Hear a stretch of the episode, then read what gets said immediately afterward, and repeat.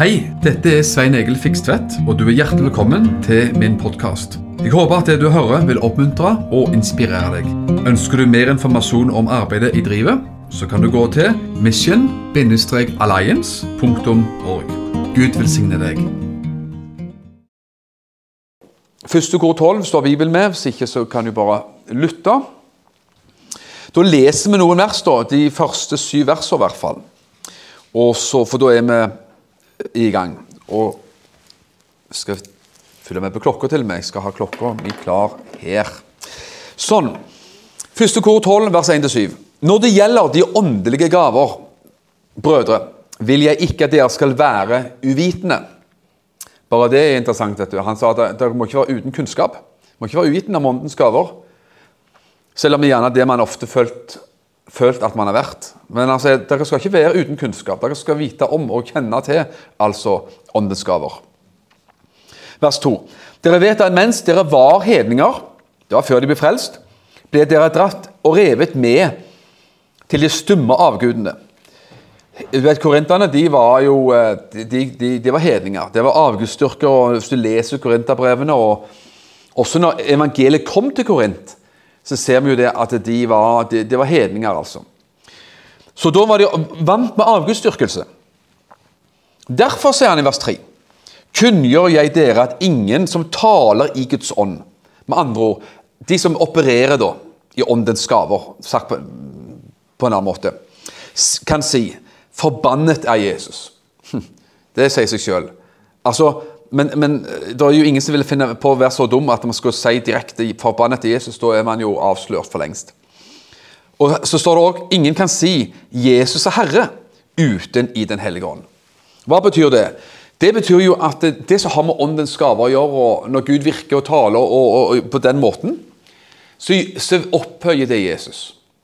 Det setter Jesus på tronen, setter ikke deg eller meg eller andre mennesker på tronen, men fokuset er Jesus. Kan du tro det at Den hellige ånd ønsker å sette fokus på Jesus? Sette spotlight, lampen, rampelyset på Jesus? Jesus sa om Den hellige ånd når han skulle komme. Det sa jo Jesus i Johannes 14, 15 og 16.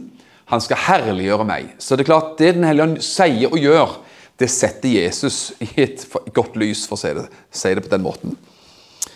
Og det putter ikke Jesus i skyggen og liksom eh, på bakrommet, men Jesus får lov til å være herre.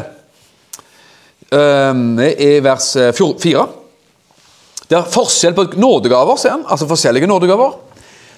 Men ånden er den samme. Altså én ånd, men forskjellige gaver. Det er eh, forskjell på tjenester, men Herren er den samme. Det er forskjell på kraftige virkninger, men Gud er den samme. Han som virker alt i alle. Gud er den samme, og Gud virker altså én Gud, én ånd og én Herre og alt, men forskjellige gaver og forskjellige måter Gud åpenbarer seg på og manifesterer seg sjøl på. Og vers, eh, vers 7. Men åndens åpenbarelse blir gitt enhver til det som er ganglig. Altså, Et annet ord for, for nådegavene er egentlig åndens åpenbarelse. Altså måter Den hellige ånd åpenbarer seg på. Åndens manifestasjon altså, skjer alltid på en måte som gjør at det er til oppbyggelse og til gagn. Det er viktig. Det bygger opp. Det gjør mennesker godt. Og det bringer mennesker nær Jesus. Det bringer ikke mennesker fra Jesus. Du vet en falsk profet Sånn en parentes her, da. Du vet at det, Vi kommer tilbake til det siden. og så, Nå foregriper jeg det. Hvis noen profeterer og, og, og, liksom ikke helt uh, klarte å sette den ene foten foran den andre ordentlig, og det ble litt sånn, uh, det ble litt sånn ikke helt på stell, så gjør ikke det nødvendigvis den personen til en falsk profet. For i Bibelen så ser vi at en falsk profet er en som ikke bare da profeterer feil, men som også leder mennesker feil. Altså leder mennesker bort fra Gud. Det er en som fører mennesker bort og vil. Eh, og det er enda mer alvorlig enn at det, du og meg skulle, hvis man skulle profetere eller komme med noe som man føler er fra Gud, og så ble det liksom ikke helt eh, liksom, 100% sånn som man gjerne trodde og håpte, og, videre og sånn. Er du med på den? Vi skal se på det faktisk. Og Bibelen er realistisk på det, og Bibelen er veldig, sånn, veldig jordnær på det seinere. Men jeg tar det siden jeg plutselig ramla innom dette her. Forakt, Første Tessalonika brev kapittel 5. Forakt ikke profetier. Det står det jo. Altså Ikke forakt ikke neglisjer det, og liksom, det betyr ingenting. Nei, la oss akte på og glede oss og ville ha profetiske ord. Men så står det også Men prøv alt, og hold fast på det gode, sier han. Kan du si at Paulus var veldig sånn jordnær òg? Forakt ikke, var åpen, ta imot. Ha liksom en åpen kanal. Men prøv alt, og så holder du fast på det gode. Så enkelt. Med andre ord så kan det komme ting som ikke var så kjempeblinkskudd, men du holder fast på det som er godt. En kjent pastor han er jo død nå, David Yonggi-Cho. Han leda jo verdens største menighet i Korea. Han, eh, og bygde jo den opp fra ingenting. Han var jo selv en frelst, eh, frelst buddhist. Og så har han bygd den opp verdens største menighet på noen hundre tusen mennesker. Han sa å lytte til profetier sa han, det er som å spise fisk. sa han. Du spiser fisken, så lar du beina ligge igjen på tallerkenen. Det er vel å merke hvis du spiser fisk og ikke fiskepinner. Det er beina, det er vekke. Det var sånn gamle dager man hadde bein i fisken. du. Jeg vokste opp med mye fisk fra min mor. vet du. Var, da måtte du sortere. Bein og skinn og fisk og finner og vet ikke hva. Så fikk vi i oss fisk. Ja vel. Vi skal komme tilbake til alt det her. Men la meg, hoppe, la meg ta med 1. Korinterbrev 8,2. Det er en litt annen sammenheng. Eh, men passer godt allikevel. Så vi, vi driver ikke og ødelegger eller misbruker et vers, men, men det passer inn. 1. Korinterbrev 8,2. Hvis noen mener at han vet noe, eller har kunnskap om noe, så kjenner han det ennå ikke slik han burde kjenne det. Det er interessant. Altså Hvis vi mener at vi vet noe Alle av oss vet noe. Vi har litt kunnskap, eller kanskje mye kunnskap. Det får man av, det, vet Gud. Men hvis vi mener at man har hørt noe, vet noe, har kunnskap om noe, så er det jo befriende eller Enten det er befriende eller irriterende, det som står her. Så vet han det ennå ikke slik han burde. Med andre ord, det er mer å, er mer å hente. Det er mer å forstå. altså det er mer. Så jeg håper jo det at, eh, at eh, alle av oss skal se og forstå mye mye mer ut fra disse gangene vi skal ha sammen. Og Selv hørte på en, for mange år siden nå en, en mann, kjent predikant den gangen, som var brukt veldig, veldig av Gud på mange ting. Uh, han sa også det, han var passert 80 år, og sa det akkurat på samme måte. Og sa at 'jeg har ennå mye å lære, å forstå, å se og oppleve'. Selv om han hadde opplevd mer enn de fleste av oss. Så sånn er det, og det er viktig. Paulus sa La meg nevne tre ting som vil hindre oss i å oppleve åndens gaver. For Jeg er helt sikker på det, at dette ønsker vi jo ikke skal bare være teori. Vi leser det fra papir. Bibelens blader de de er verdifulle. Det er enestående. Skriften. Men at det flytter fra Skriften og inn i våre liv, hvis du skjønner mitt bilde. Det må bli kjøtt og blod i oss. Ordet ble kjøtt og blod, står det om Jesus. da. Og det ønsker Gud at det skal bli hos oss også. At det, det som er på Bibelen, det skal også bli opplevd virkelighet i våre liv. Altså Det flytter seg, jeg liker å si, fra Bibelen og inn i våre liv.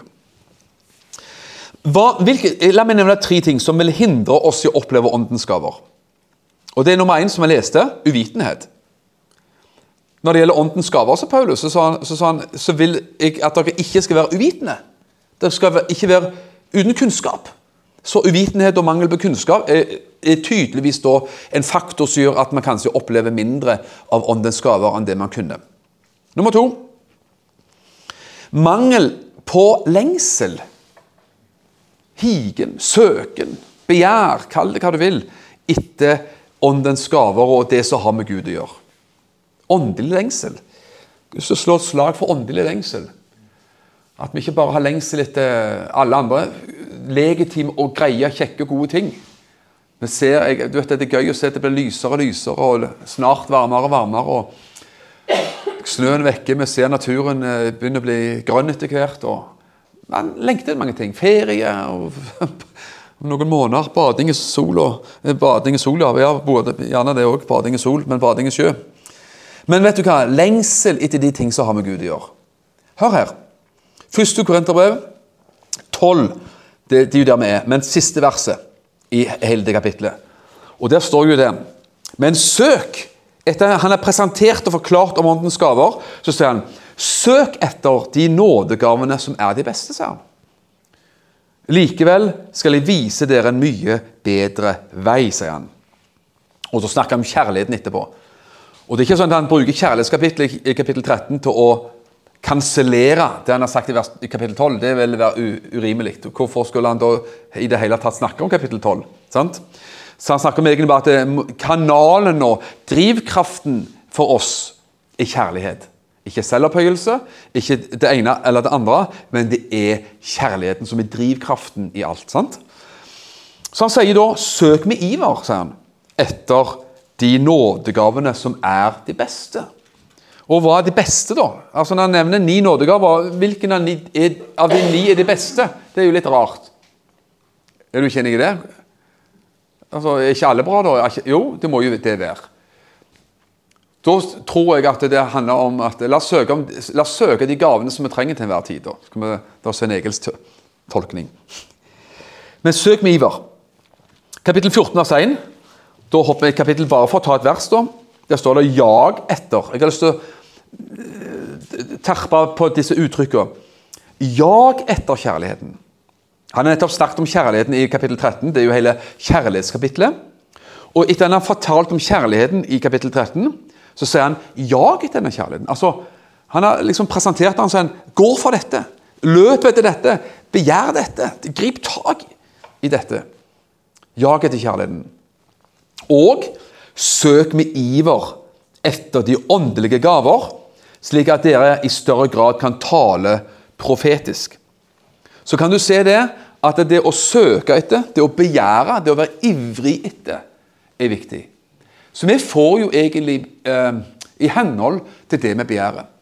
Så eh, en forsamling og enkeltindivider som vi er, og menigheter, der det er mye åndelig lengsel og mye bønn, og man vil ha dette og søke til ting som har med Gud å gjøre, så vil man jo selvfølgelig oppleve mer av det som har med Gud å gjøre. rett og slett. For Gud har gitt oss disse gavene, men han sier likevel, han presenterer dem til oss, og så sier han gå for dette, jag etter dette, begjær dette, lengt etter dette.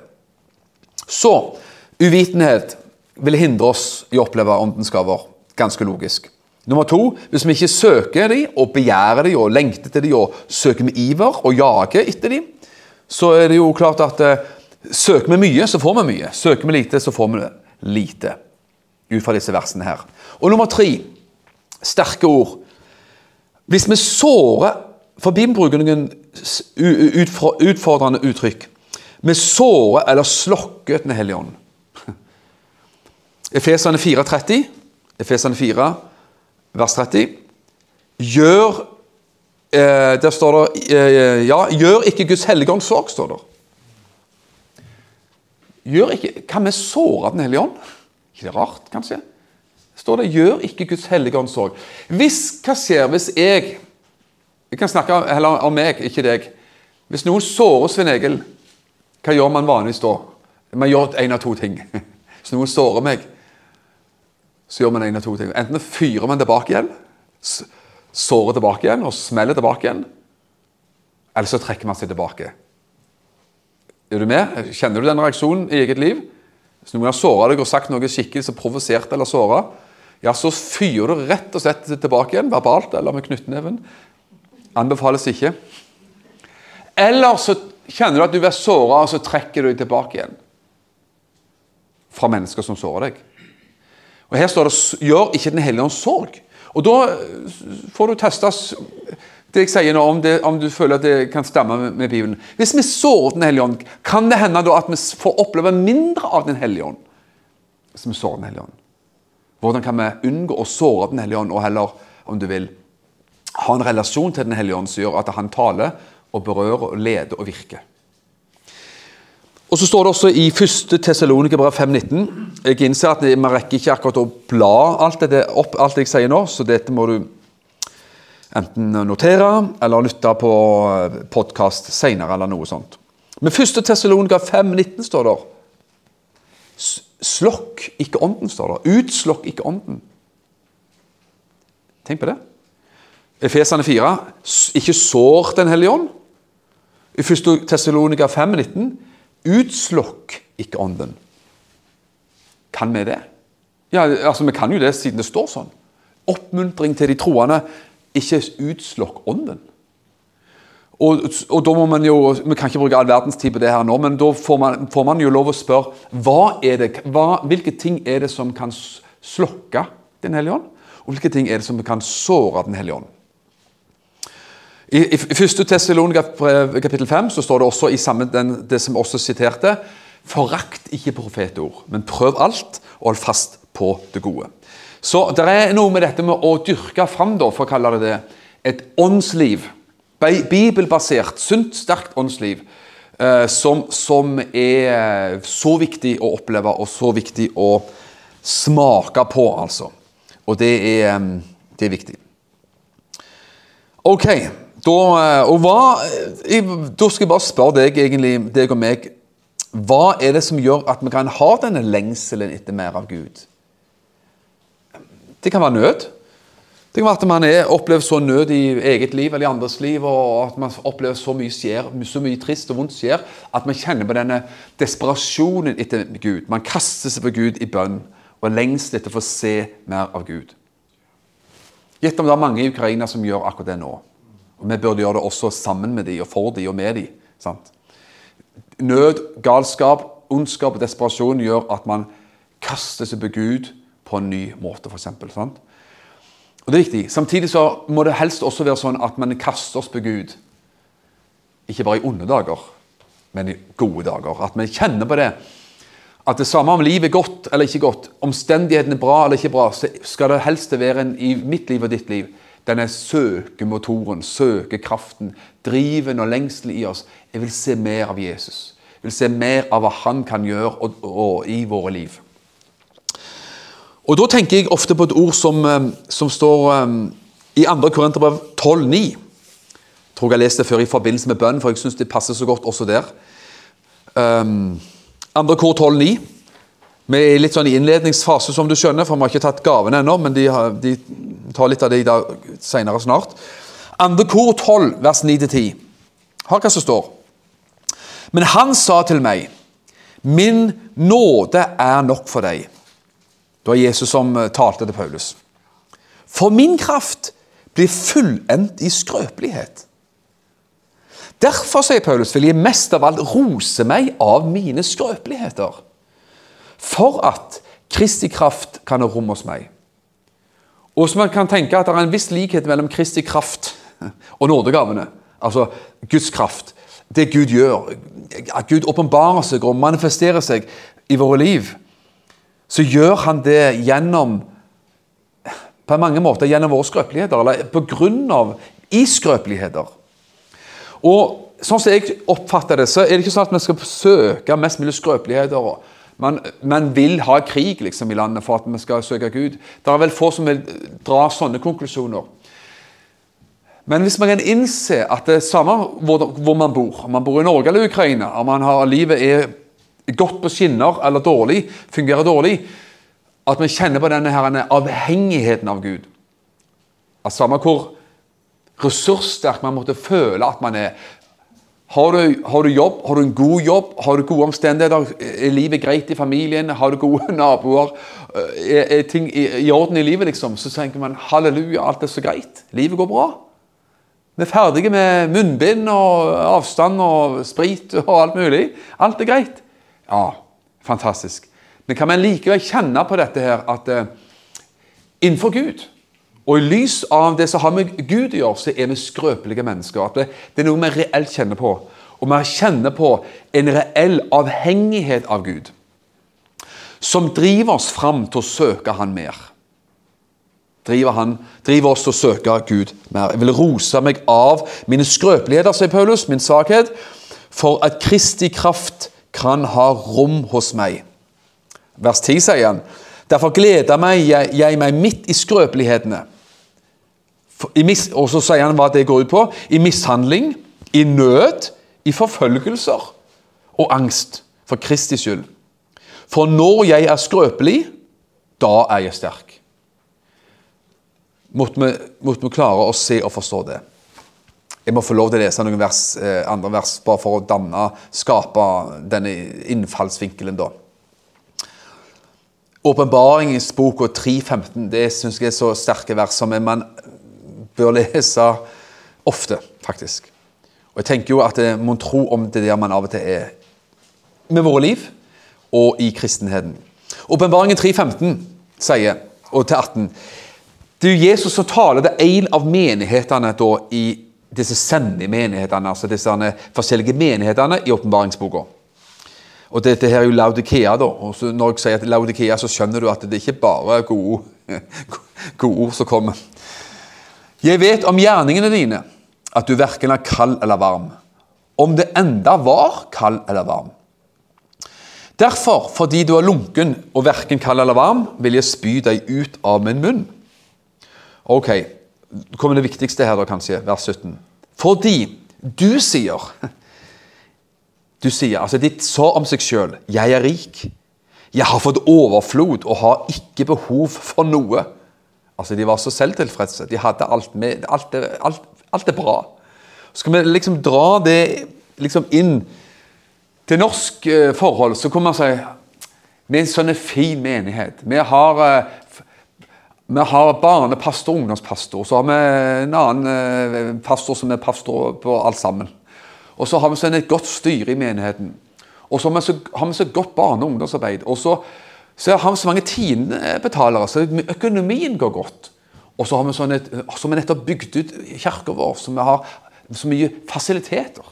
Så mye flott lokale for ungdommene våre. Og så kommer smør på hvordan man ser drømmebildet av en norsk menighet. Og ingenting galt med det. Man ønsker jo det. Sant?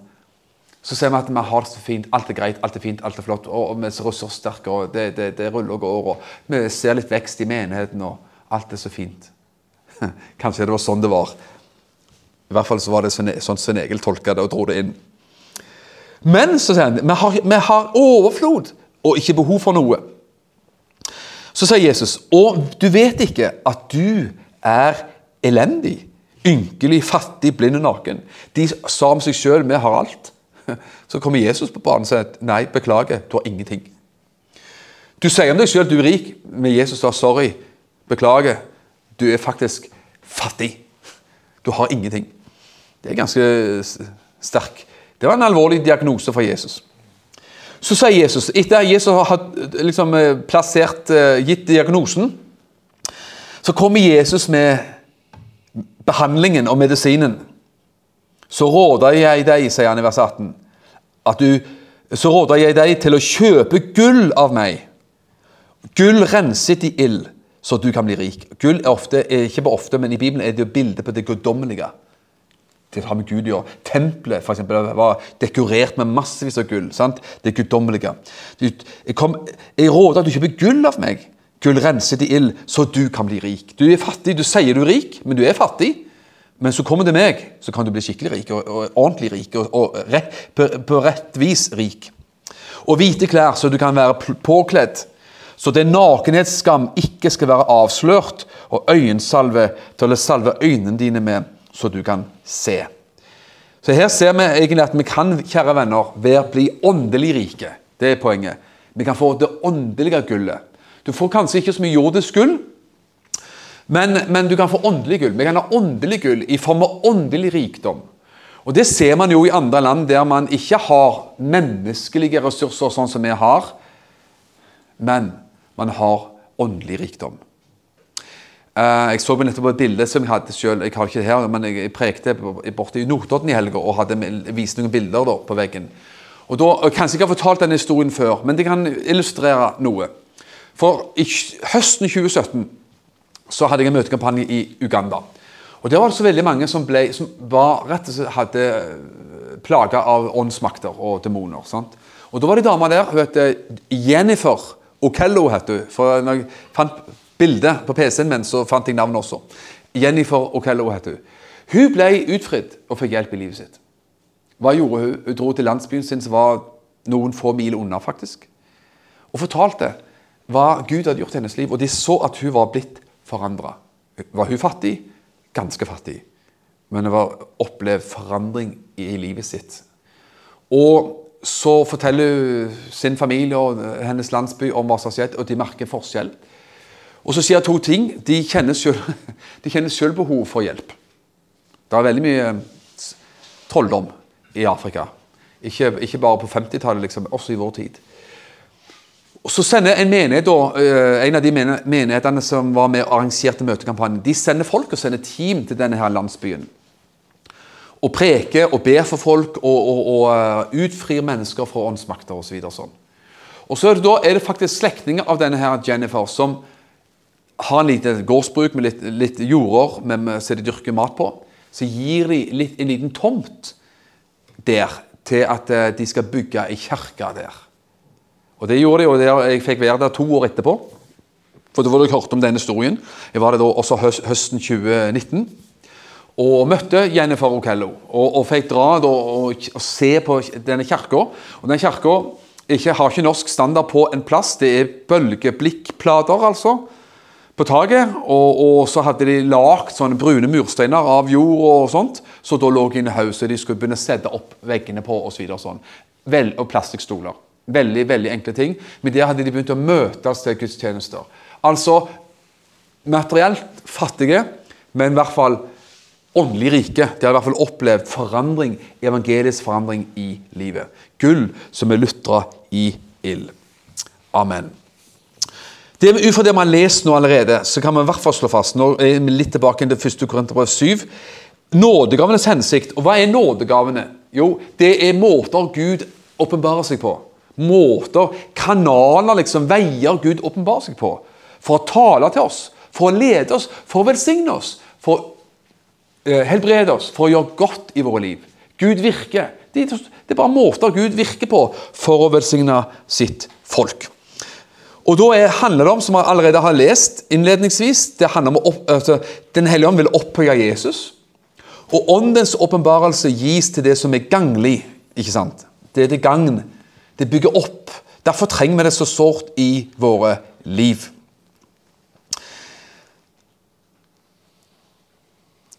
Det er forskjell. Vi må også ta med det. Jeg Beklager, jeg kommer snart fram her. Det er forskjell på åndens gave og åndens frukt. Det er viktig å skjønne det. For Ellers blir man lurt og bli grundig skuffa. Skal jeg forklare hvorfor. Åndens gaver er jo det vi snakker om nå. Nådegavene.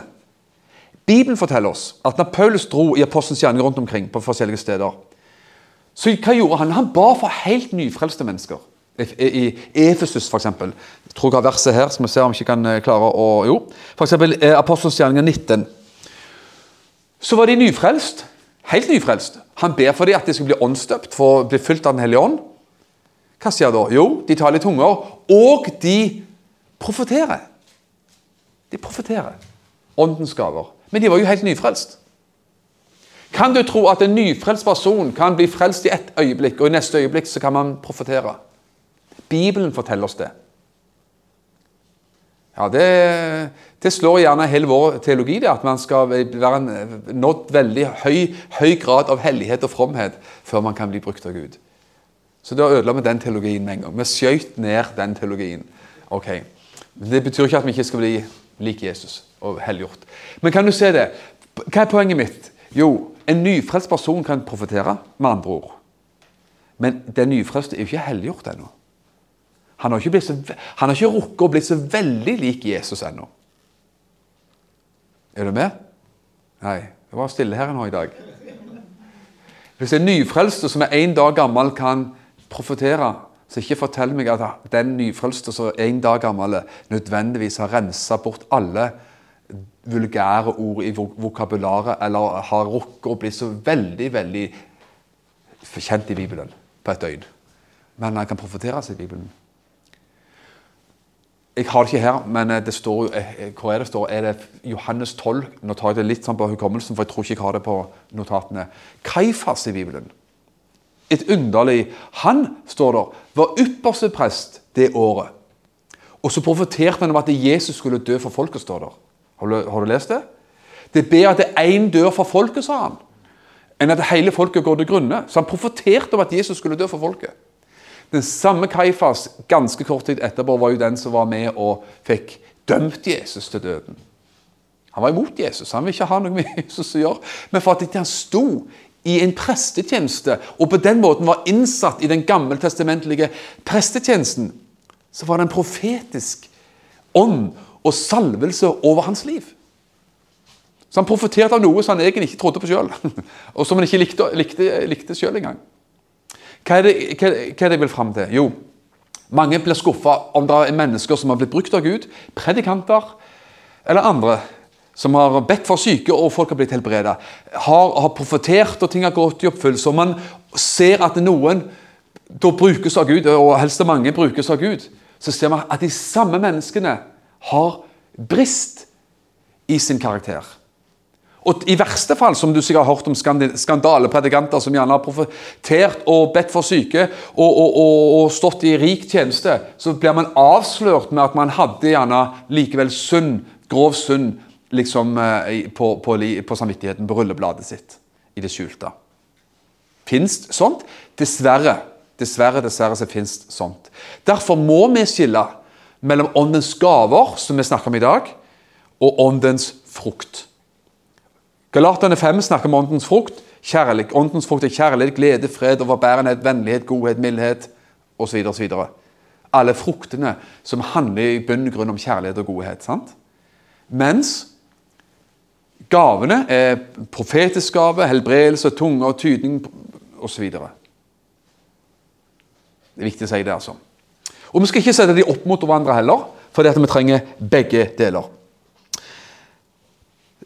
Eh, pinsebevegelsens eh, store høvding i Skandinavia, TB Barrat, han som kom med pinsevekkelsen og åndsdåpen osv. fra Amerika, han ble jo berørt, denne Barrat. Han var jo metodist, så dro han til USA for å samle penger til en type sånn eh, rehabiliteringshjem for alkoholikere. Han var veldig engasjert for, i sosialt arbeid. Kjempefint.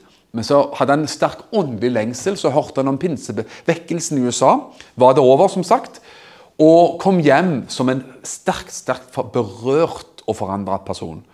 Og så kom jo da pinsevekkelsen til eh, eh Norge og Skandinavia gjennom TB Barat. Han sa hvis du tar nådegavene i kapittel 12, som vi har lest litt om, og så tar du de, og så dypper de ned i kapittel 13.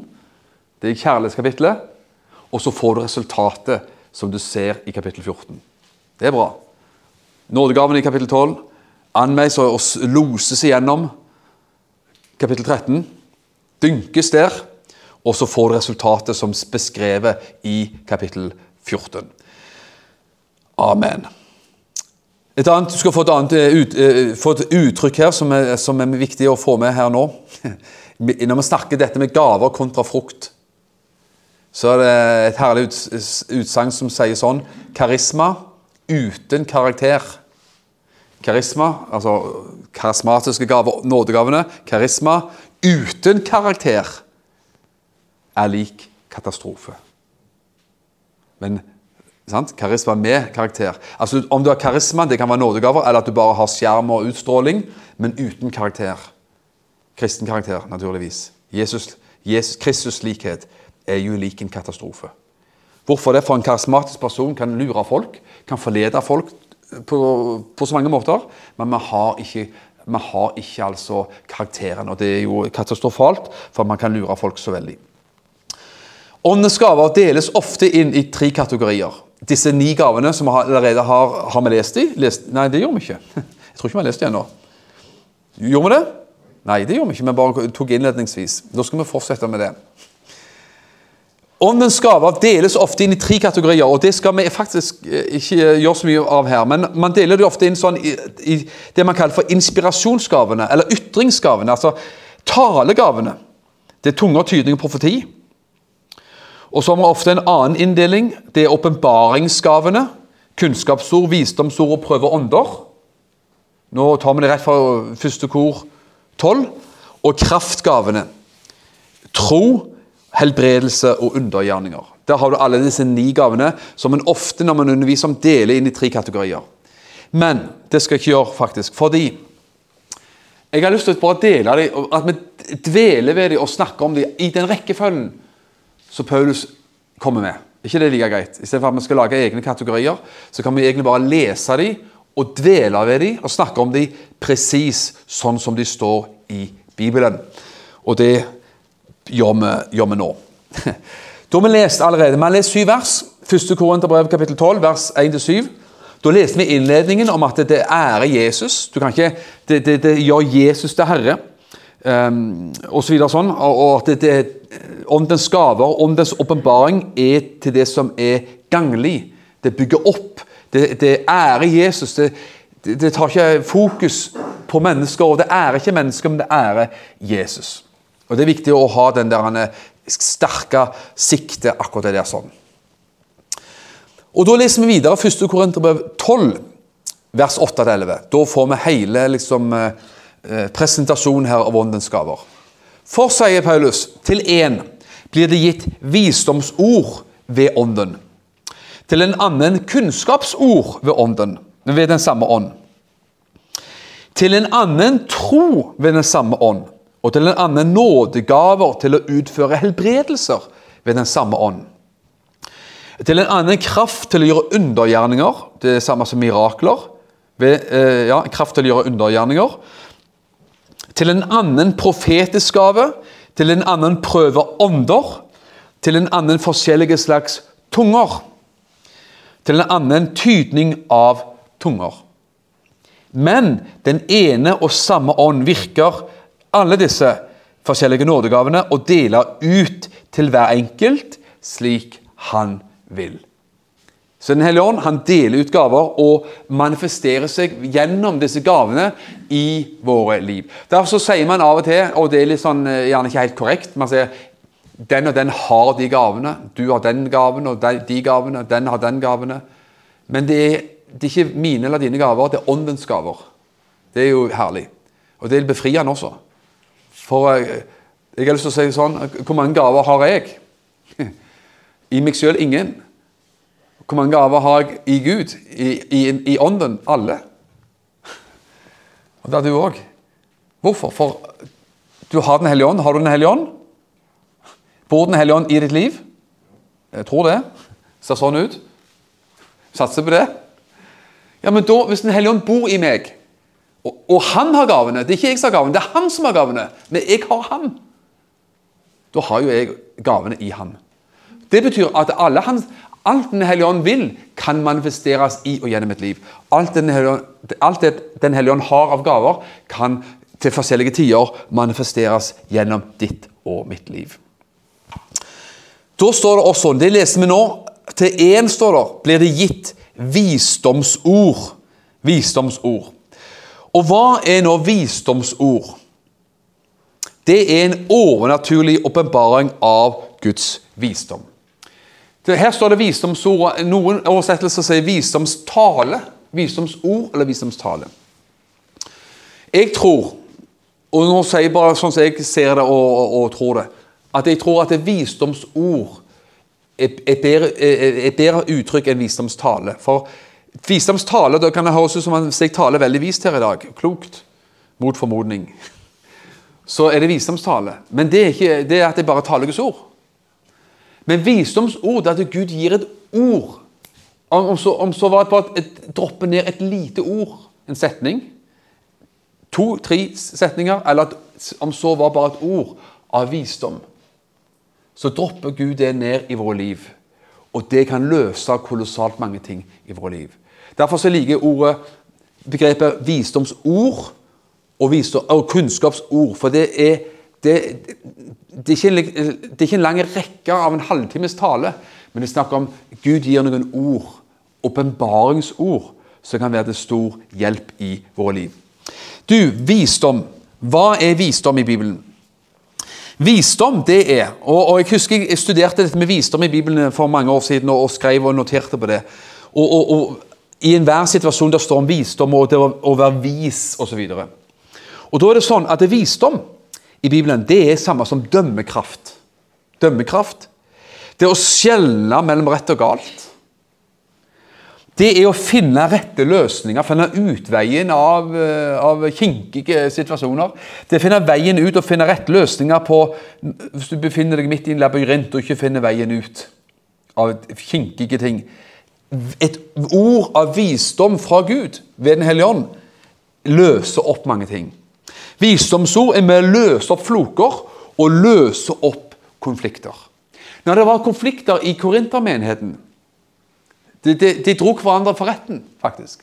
Og Da sier Paulus finnes det ikke en eneste vis mann sier han, hos dere, som kan skjelne mellom brødre, eller stifte rett mellom brødre. Altså kan ordne opp i vanskelige konflikter. Fins det ikke én mann med visdom som kan få, få, få, løse disse greiene her sånn? Og Nå kan vi ha naturlig visdom på så mange ting, og det har man jo. Ofte kan man si at viste, oh, begrepet kunnskap i Bibelen Kunnskap er, er hva. Visdom er hvordan. Kunnskap er hva, visdommen er hvordan. Visdommen viser veien ut, løser opp, og, og løser opp i det som er vrangt og vanskelig osv. Og, åpenbare ting om framtiden. Den peker framover, åpenbare ting om framtiden. Ok? Gjentar. Visdommen gir løsninger på, på, på, problemer, viser veien ut av beklemte situasjoner og åpenbare ting om framtiden. La meg lese noen få så jeg følger med på klokka, så vi holder oss sånn, passer på her. Matteus 10, vers 17-20, forteller noe om dette som har med visdomsord å gjøre. Matteus 10, vers 17-20. Men pass dere for menneskene for de skal overgi dere til domstolene og piske dere i synagogene. Dere skal bli ført fram for landshøvdinger og konger for min skyld, som et vitnesbyrd for dem og for hedningfolkene. Men når de overgir dere, skal dere ikke være bekymret for hvordan dere skal tale eller hva dere skal si. For det skal bli gitt dere i samme stund hva dere skal si. For det er ikke dere som taler, men Den hellige men den som taler i dere, er deres fars ånd. Altså, du skal ikke bekymre deg engang for hva du skal si i gitte situasjoner, for du skal få geniale ord, for å si det med mine ord. Du skal få ord av Gud ved Den hellige ånd. Vår fars ånd, som taler eh, til oss, og deres fars ånd, altså, som taler i oss. Det er sterkere, det. Jesus lovte det den hellige ånd skulle være med oss og nettopp gi oss løsningsord av visdom inn i situasjoner osv. Jeg tror Når Jesus, når, når, fariseerne kom med denne kvinnen som kom, de kom med henne til Jesus Hun hadde blitt tatt på fersk gjerning i hor. Så, så, hun, så, så, bringer de Jesus inn i en veldig kinkig situasjon. Dette er Johannes 8, fra vers 1 og utover der. Johannes 8, 1. Så er det jo sånn at de eh, kommer med den dama, da. Og så er denne dama har blitt tatt på fersk gjerning i hodet. Bare det burde jo få disse mannfolka til å kanskje skamme seg litt, hvis du blir tatt på fersk gjerning. Så sier de Moses har sagt at hun skal jo steines. Men hva sier så du? Og da brakte de Jesus i en veldig veldig beklemt situasjon. For de visste jo ut fra alt det Jesus sto for, at han, han kunne jo ikke stå og gå god for noe sånt. Det, det er ganske logisk. Men eh, hvis Jesus da plutselig skal kansellere Moses vet du, og liksom og si Moses, hallo, hallo, folkens, vi lever liksom i 0030 ca. År 30. Så, så, så, Nei, nei, nei, det er, er avleggs. Det er gammeldags. Den, den går ikke. Nei, Jesus kunne ikke gjort det. Hadde Jesus spotta Moses kansellert Moses på den måten, så hadde, hadde man liksom bare blåst av Jesus fullstendig. Så Jesus måtte finne en vei ut. Og det gjør han jo. For han sier den av dere som er uten synd. Så Jesus gir de rett. Det er helt greit, det, sier han. Men la den som er uten synd, kaste den første steinen. Og da, hadde, da fikk de kjempeproblem, vet du. Og eh, så, Jesus, så står det at Jesus skrev med fingeren sin på sanden på bakken. Og hva Jesus skrev, vet man jo egentlig ikke. Men hva om Jesus skrev Begynte å skrive de ti bud. Du skal ikke andre guder enn meg. Og så kommer han til bud nummer seks. Du skal ikke drive hor. Og så nedover. Og så tenkte jeg obs, obs, obs. Her skjønner vi jo at vi er skyldige alle mann. Sant? Her ser vi dette, dette, dette lover ikke bra. Og Jesus skriver, og så sa han jo også ja, ja, ja. Den som er uten synd, vær så god. Vær så god, eh, kast i vei. Men de skjønte jo da at de òg kanskje fortjente en stein og to og tre. Så de droppet sine steiner og gikk og luska bort alle mann. Og, og Det var et visdomsord. Jesus løste det på den måten der. Vet du hva, vi må vi tyr så lett til vår egen kunnskap, erfaring og visdom. Men hva med å få geniale ord fra Gud? Geniale ord fra Gud. Av ledelse. Seriøst. Ledelse. For den som skyld, og, og, og oppfinnelser som bringer mennesker videre her i livet. Hva med medisinske oppfinnelser? Så ikke at du, ja, du og alle kan få det potensielt fordi at man eh, for Gud er Gud. Men hva med kristne leger? Hva med mennesker som er på nett med Gud? Søker Gud? så- Som, som tar seriøst Gud med inn i livet sitt, også i sitt sekulære arbeid, for å finne løsninger. Kan du tro at det går an? Jeg tror virkelig det. Så dette var, eh, dette var jo veldig eh, fantastiske eh, visdomsord fra, fra Jesus. Mattes 22, vers 16, så står det også at de kom til Jesus vet du, og spurte om det var rett å betale skatt til keiseren. Det var et beklemt spørsmål. For Israel var jo okkupert av Rom, var en del av Romerriket. Keiseren han var ikke så veldig populær blant jødene. De ville ha sitt land for seg sjøl. Og så spør de da er det rett å betale skatt til keiseren. Og hva skal, i all verden skal Jesus svare på det, da? Jo, så sier han vis meg nå en mynt. Så sier han at hvem sitt navn og liksom, bilde er det av eh, på denne mynten her? Jo, keiseren. Ja, men det, det, Det ser ut som den tilhører keiseren, sa han. Det var sagt med mine ord, da. men Så gi da keiseren hva keiseren, hva som tilhører keiseren. Gi Gud det som tilhører Gud. Og vips, så var Jesus ute av en beklemt og vanskelig situasjon. Jesus synda aldri. Så Jesus kom jo alle med dårlige løsninger. Jesu løsning alltid var perfekt. Fins det visdomsord som vi kan oppleve, som peker på løsninger ut av vanskelige situasjoner i livet? Kanskje, kanskje vanskelige situasjoner på arbeidsplassen? Kanskje vanskelige situasjoner i familien? Og så er det visdom ifra Gud. Vi ber og vi ber og vi ber og vi atter ber. Og veldig ofte når Gud griper inn, så jeg tror jeg Gud griper inn på to områder, på to måter. Enten gir han kraft, altså kraftdimensjoner, det kommer vi jo til senere. Kraft. Som bare løser ting. Hva som helst, egentlig. Kraft å gå på vannet, om du vil. Men, men andre ganger sier Gud visdom. Enten gir han kraft, sånn at det bare, Gud bare smeller til. Eller så er det visdom ifra Gud. Løsningsord ifra Gud som viser vei ut av tunnelen eller ut av labyrinten i livet. Jeg skal sitere Arild Edvardsen, og da tror jeg jammen at vi skal lande etterpå her sånn.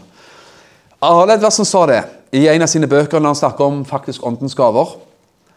Um, du vet, Bøkene til Arild Edvardsen de er jo bare en tragedie at ikke de fins lenger. De, de fins i mange hjem og mange, mange bokhyller, av de som kjøpte de på 60-, 70-, 80-tallet.